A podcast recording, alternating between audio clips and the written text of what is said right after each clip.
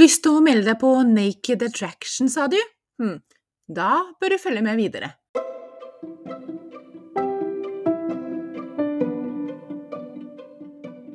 Tenk deg følgende. Du er på kino og ser en film hvor du ser to personer gå rolig nedover gata mens de har en samtale. Plutselig legger du merke til en liten, men slående detalj. Gata er jo helt tom. Hvor er alle menneskene, bilene og alt det som vi omgir oss med i hverdagen? Det er nettopp slik filmen ville ha sett ut uten statister. Er du statist, eller går med tanke om å bli det? Følg med videre i Statistpodden.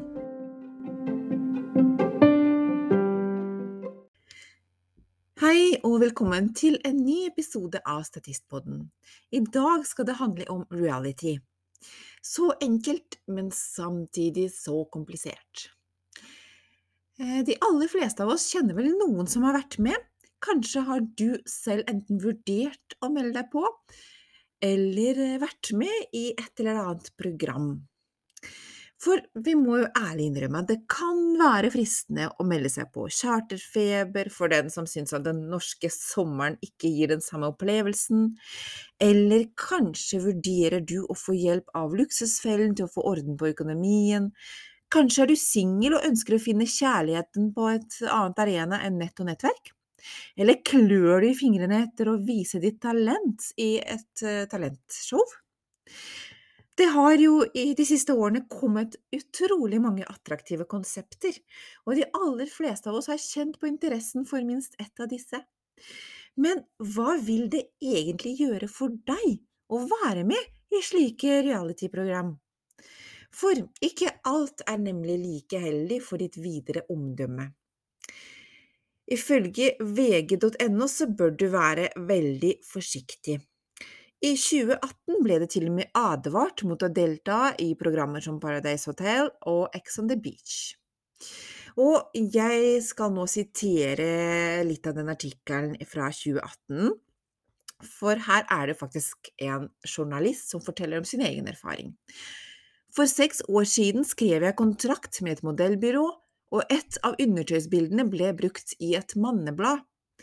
Det er noe jeg angrer på i dag, jeg skulle ønske jeg var mer oppmerksom på hva som kan bli konsekvensene av å eksponere seg og bli seksualisert på den måten.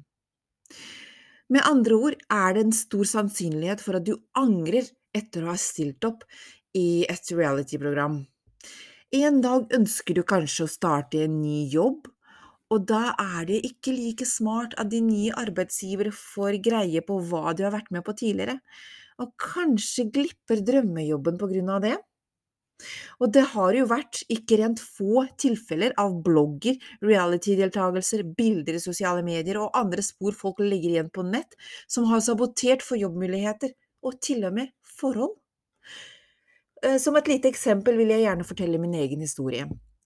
I 2012 var jeg i kontakt med et vikarbyrå som skulle da hjelpe meg til å få meg en eh, liten vikarjobb eh, hos et IT-selskap.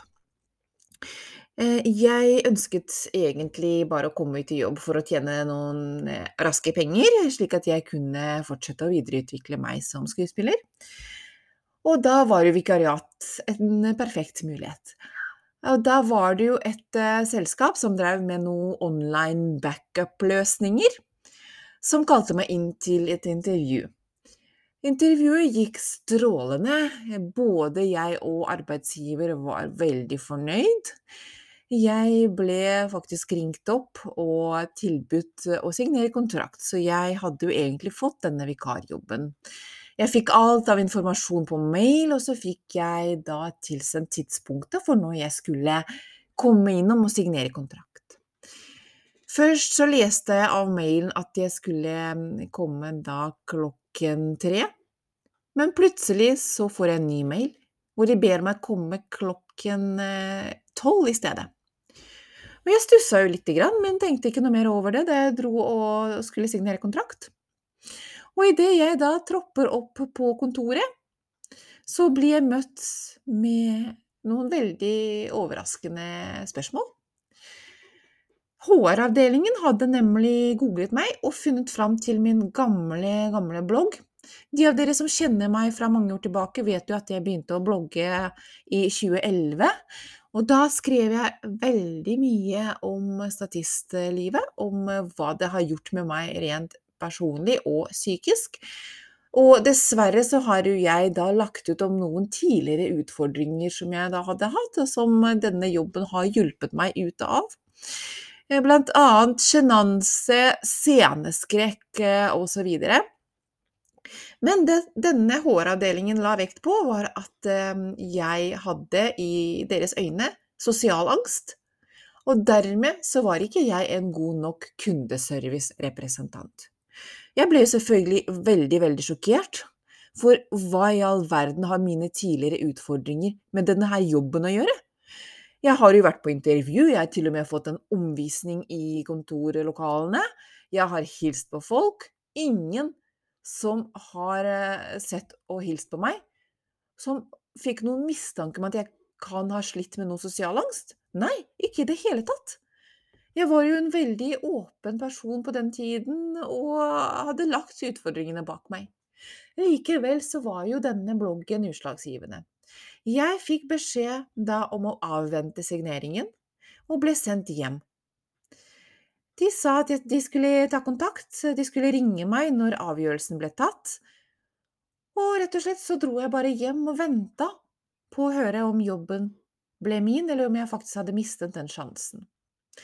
Så gikk det noen dager da, og så får jo jeg denne telefonen. Og jo, ikke overraskende, så glapp denne jobbmuligheten. Jeg hadde egentlig fått den. Jeg hadde bare kontraktsigneringen igjen, så kunne jeg begynne i jobben. Men på grunn av denne bloggen min, så ville de ikke ansette meg likevel. Det hører med til historien at eh, jeg noen år senere prøvde å klage på denne bedriften til Arbeidstilsynet, for jeg mente at denne her eh, oppsigelsen, eller at de trakk kontrakten, var rett og slett usaklig. Men på den tiden så hadde allerede firmaet rukket å bli kjøpt opp og skiftet navn og hele pakka, så det var rett og slett ikke lenger aktuelt å gå til sak mot dette firmaet. Det hadde da også gått, eh, jeg lurer på om det hadde gått eh, seks-syv år siden det skjedde. Eh, men ja, det var rett og slett en veldig, veldig bitter erfaring. Og det var bare på grunn av en blogg. Og den bloggen, den eh, måtte jeg jo rett og slett eh, moderere. Jeg måtte fjerne alt som kunne tyde på at jeg noen gang har hatt noen utfordringer. Alt ble bare malt rosenrødt. Og jeg ga et over, veldig, veldig eh, overdrevet positivt inntrykk av meg selv. Bare for å slippe å møte på sånne holdninger igjen. Og bare så det er sagt, jo, den gangen jeg var innom den bedriften og kikket meg rundt, så merket jeg også disse holdningene på både de som jobbet der, og sjefene og alle som uh, var i lokalene. Det var en sånn rar energi der. Det var på en måte som at uh, disse menneskene hadde en fasade, og de ville fremstå som perfekte. Så ja, at en person som ikke er så perfekt, søker jobb der, og de finner ut at denne personen har hatt en utfordring, så vil de ikke ha den uperfekte personen. Det inntrykket satt jo jeg igjen med. Men det var i hvert fall en veldig bitter erfaring. Og det jeg tenker nå, er Dette her var bare en blogg. Tenk om det hadde vært snakk om noen undertøysbilder, eller eh, at det hadde vært noe reality-deltakelse for eksempel venninna mi, eller tidligere venninne, eh, som hadde vært med i 71 grader nord, hun var jo plutselig veldig hardt vær av noen andre saker som hun var innblanda i. Med en gang man får den kjendisstatusen etter å ha stilt opp på reality, så blir man overvåket på en helt annen måte enn man ville ha blitt som en helt anonym, alminnelig person i gata.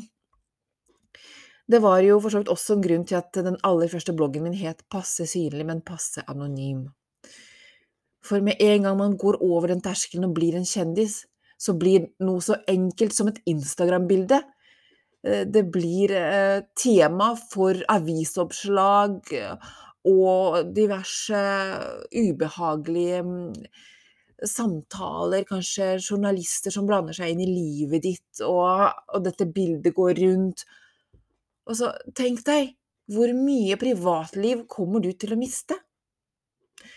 Ja, altså kjendisstatus det er jo et helt eget tema da, som jeg ikke går så veldig inn på her nå. Men i hvert fall så advarte jo VG mot å delta i hva som helst. Og har dere forresten sett Naked Attraction? Altså, det konseptet er jo Det er jo morsomt på en måte, men samtidig Tenk deg de som er med der, og så er det kanskje noen som finner kjærligheten, og som gifter seg og får barn, og så begynner barna på skolen. Og så kommer barna eller vennene til barna til å se dette programmet i reprise, eller kanskje noen får greie på hva foreldrene hadde vært med på. Det er jo ikke så veldig kult, er det det? Jeg har tre barn, en tenåring og to um, på barneskolen. Og jeg er veldig påpasselig på hva jeg stiller opp på. Altså For meg så går jo på en måte grensa et sted, fordi jeg vet at i hvert fall min tenåringsdatter kommer ikke til å sette pris på å se meg i en litt sånn ugunstig situasjon, da, for å si det sånn. Eh, så reality-deltakelse, ja, det kan være veldig kult, men samtidig så tar du også en risiko som kanskje ikke er verdt det. For jeg, jeg, forstår jo hvor fristende det kan være å melde deg på et kult konsept, hvor du får f.eks. gratis ferie, hjelp med økonomien, du får kanskje pusset opp, funnet kjærligheten, eller noe annet som du har behov for i livet ditt. Og særlig hvis du er ung, så vet jeg at uh, da er jo lysten veldig stor på noe akkurat sånt. Og som ung så ville jeg være med på alt. Nesten uten å tenke, og jeg meldte meg til og med på Idol hele tre ganger. Jeg var jo med på innspilling i 2002, 2003 og 2004. Og den siste gangen, 2004, den kom vel ut i 2005. Den angret jeg bittert på. Det kan jeg også fortelle, forresten, for i den episoden der det var første gang jeg ble rammet av ekstrem sceneskrekk. Eh, mer om sceneskrekk kommer jeg nok til å snakke i en annen episode. Men i hvert fall Første gang jeg var med i Idol, da var jeg 16 år, det var i 2002. Da fikk jeg beskjed om å komme tilbake senere, for jeg var ennå veldig ung. Året etter husker jeg ikke hvordan det gikk. Det gikk også sånn som så. Jeg kom liksom ikke så langt. Og sist gang så skulle jeg jo igjen prestere. Da hadde jeg øvd og hadde forberedt meg masse. Da var jeg blitt 18 år. Jeg gikk på videregående. Dette var jo høsten 2004, da, så programmet kom ut i 2005. Og da um, var det jo først og fremst veldig, veldig lang ventetid. Mange timer var jeg der og venta. Hadde med meg en venninne som vi prøvde liksom å fordrive tiden og få tiden til å gå. Og etter så mye venting så blir plutselig nummeret mitt ropt opp. Og så kommer jeg inn der. Og så, Dette var jo på en måte hovedaudition. Da hadde jeg allerede gått eh, videre fra precasten som de egentlig hadde på Idol. Det er jo ikke mange som er klar over at de har egentlig en precast-runde hvor de siler ut uh, veldig mange allerede da, og så går man jo videre til hovededition. Så dette var jo hovededition.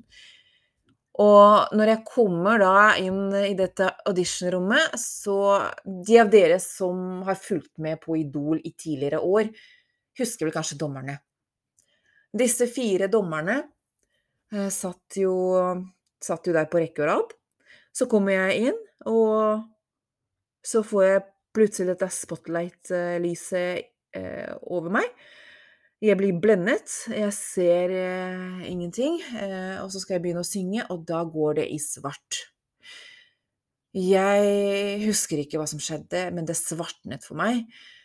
Jeg prøvde å få fram en tone, men bommet totalt. Jeg var fullstendig låst. Jeg klarte ikke Altså, stemmen min kunne ikke Altså, ville ikke mer. Det var som om jeg frøs til, men likevel skulle prøve å synge. Jeg fikk noe helt feil tone. Jeg fikk eh, Det var helt grusomt. Og så prøvde jeg da eh, desperat å, å, få en, ny sjanse og prøve et nytt forsøk, fordi at eh, jeg klarte ikke å få fram at jeg, jeg hadde sceneskrekk. Det var noe som skjedde med meg. Jeg hadde panikkangst. Jeg, men jeg klarte ikke fordi jeg hadde så høy puls, jeg hadde nerver på høygir. Jeg hadde liksom Jeg klarte nesten ikke å få frem et ord, og så klarte jeg å få Kan jeg få en sjanse til, eller kan jeg prøve en gang til? Men det fikk jeg jo ikke, eh, og det jeg husker var at han ene dommeren sa det at eh, jeg ser at du synger, men jeg skjønner ikke hvorfor. Og den svei. Virkelig. Og dette tør jeg faktisk å påstå var det siste gang jeg faktisk turte å være med på reality. Eh, for den episoden der For det første så var det jo veldig ille å oppleve det der og da. Jeg husker ikke hva som skjedde i ettertid, eh, men jeg husker i hvert fall at når jeg kom tilbake på skolen etter at episoden har vært på lufta, dette var tredje videregående, eh, så ble liksom stoppet i korridoren og bare 'Jeg ser at du synger, men jeg skjønner ikke hvorfor', og uh, Ja, jeg ble rett og slett mobbet og gjort til latter i, på hele skolen. Og mm, det er klart, for en som er 18, eh, da hadde jeg blitt 19, da, uh, så var jo det ganske tøff opplevelse, da, å bli mobbet på den måten der, fordi man tør å faktisk gjøre noe som mange ungdommer egentlig ikke tør. Ehm, så, så det var jo ille. Når den episoden kom på TV, så var det jo fælt å se det, fælt å høre de kommentarene en gang til. Men det aller verste var at denne kom i reprise to ganger. Først så var jo jeg plutselig blitt nummer tre av de fem verste. Og så kom jo denne episoden igjen i reprise ved en annen anledning, nå husker jeg ikke helt eh, når det var. Den lå også lenge ute på YouTube, men den klarte heldigvis å få fjernet, fordi at eh, de sensurerte ikke vekk navnet. Så hvem som helst kunne da finne ut at det var meg. Og det ville jeg jo ikke, så jeg fjerna den videoen. Men uansett, det var en helt grusom opplevelse, og jeg sleit lenge med sceneskrekk etter det. Jeg har prøvd å opptre og synge på veldedige arrangementer og sånn noen år senere, men uh, det samme skjedde igjen, og jeg fikk uh, nesten blackout. Og um, da klarte jeg å synge, men ikke så bra som jeg hadde gjort det på øving. Og jeg skjønte det at det her går jo ikke, jeg har jo jammen meg sceneskrekk. Så den reality-deltagelsen min da i 2004, den ødela så sinnssykt mye for meg. Ødela mine ungdomsår hvor jeg nesten ikke turte å være med på ting. Jeg turte ikke nesten å være statist. Jeg, jeg var så redd. Og mm, til slutt så måtte jeg bare kaste meg ut i det, og jeg bare pressa meg inn og eh, den første gangen i 2005 da jeg registrerte meg i et castingbyrå da, i Folk og Film, og fikk da rollen i reprise, da var det jo litt sånn ok, nå kaster jeg meg bare ut i det. Enten så svømmer jeg, eller så drukner jeg. Og jeg svømte. Og det eh, Jeg hadde en veldig god opplevelse på sett. Da var det ingen som mobba, ingen som lo av meg, ingen som kom med stygge kommentarer. Så jeg bare fortsatte, og etter hvert så slapp sceneskrekken taket. Og det er akkurat det som var tema på den gamle bloggen min, som dessverre saboterte for vikariatet som jeg egentlig skulle ha. Så med andre ord, når du er ung og har lyst til å være med på ting, tenk litt over hvilke konsekvenser det kan få for deg. Ja, hvis du virkelig har kontroll på nervene dine og er dritflink, så kan du være med i Norske Talenter eller whatsoever, men dersom det skulle skjære seg, så er du faktisk eh, Da risikerer du å oppleve noe virkelig, virkelig fælt. Eh, for jeg var jo sikker på at jeg kom til å klare det veldig bra. Jeg var jo helt uh, strålende fornøyd med min egen innsats på øving, men der og da så klikka det noe for meg, og kroppen låste seg, ikke sant. Så du vet aldri når sceneskrekken rammer. Og hvis det skjer på direkten, eksempel, eller i et TV-program som bestemmer seg for å bruke innslaget fordi det er morsomt, fordi det har en underholdningsverdi, på tross av at kanskje det viser deg på ditt mest sårbare. Tenk litt over det. Hva vil det gjøre med deg? Eh, så tenk på det, gå noen runder med deg selv, og det jeg anbefaler deg spesielt å være klar over når du vurderer en reality-deltakelse, er for det første hva slags PR, altså omdømme, vil dette gi deg på sikt? Har du noen svakheter som kan gjøre deg mer utsatt og sårbar, eksempel sceneskrekk? Har du et temperament som kan være litt uheldig hvis du eksempel melder deg på Paradise Hotel eller noe sånt sånn typisk drama Ja, Jeg ser jo ikke så mye på det, men jeg har et inntrykk av at det er mye drama der. Eh, og hva om noe går virkelig galt? Hvordan vil det påvirke deg senere? Slik som tilfellet var med meg og Idol, der gikk det fullstendig galt. Og kan deltakelsen egentlig skade ditt rykte på noen måte, eller sette deg i et dårlig lys foran arbeidsgivere, kollegaer, potensielle partnere, familien osv.? Tenk gjerne på flere mulige utfall, og er du veldig ung i dag, så er det jo stor sjanse for at du kommer til å få barn en gang også. Hvordan vil dette påvirke barna dine? Vil deltakelsen gjøre deg mer utsatt for hets i f.eks. media, eh, sosiale medier osv.? Hvordan vil du i så fall takle det, hvis du ser stygge kommentarer, latterliggjøring på nett osv.? Er du sterk nok til å kunne stå i det, eller kutte det helt ut og ikke forholde deg til det? Og sist, men ikke minst, så har du noe i bagasjen som kan skade deg om dette kommer ut i media. Eh, for eksempel så mm, var det jo ja, den samme eksvenninna mi da, som hadde en del ting, en del saker på seg som var litt uheldige. Som ikke ble nevnt eh, i søknaden til 71 grader nord. Og hun fikk jo da likevel være med i programmet. Det, jo, det kom jo frem i lyset underveis at hun hadde gjort noe som ikke var greit. Hun hadde saker på seg, og det ble det jo også avisoppslag ut av. Selvfølgelig Hadde ikke hun meldt seg på reality, så hadde jo ikke det blitt noe avisoppslag, for da hadde det bare vært en helt vanlig person som hadde gjort noe dumt i tidligere år, ikke sant. Og det du også bør tenke på, er hva du får ut av deltakelsen. Og så vær ærlig, ikke lur deg selv, og gjerne ta utgangspunkt i dine egne ønsker, behov og fremtid? Er det bare fordi du har lyst på gratis oppussing? Er det bare fordi du er lei av å date på Tinder, eller at du føler du ikke finner noen kjæreste noe sted? Ehm, for Særlig når du er ung, så ønsker du kanskje en dag å bygge karriere, kanskje vil du videreutdanne deg, gifte deg, stifte familie, og da skal jo ikke et eventuelt Google-søk på ditt navn kunne avsløre noe du ikke er stolt av. Så forestill deg selv noen år frem i tid.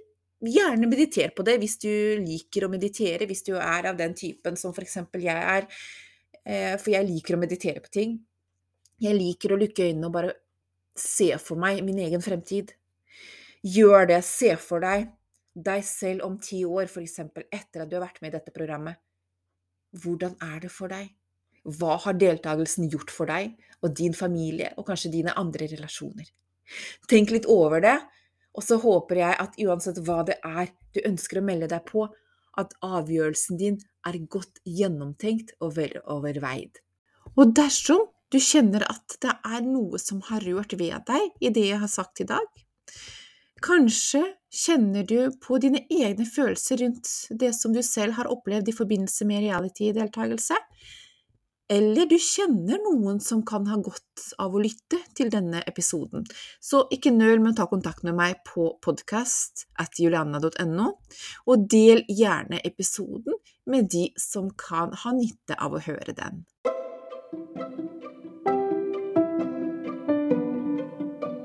Det var det jeg hadde i dagens episode, og så håper jeg at du får en fin dag, ettermiddag, kveld eller natt. Alt ettersom når du hører på podkasten. Og tusen takk for at du lytter til Statistpodden. Vi snakkes. Ha det bra så lenge.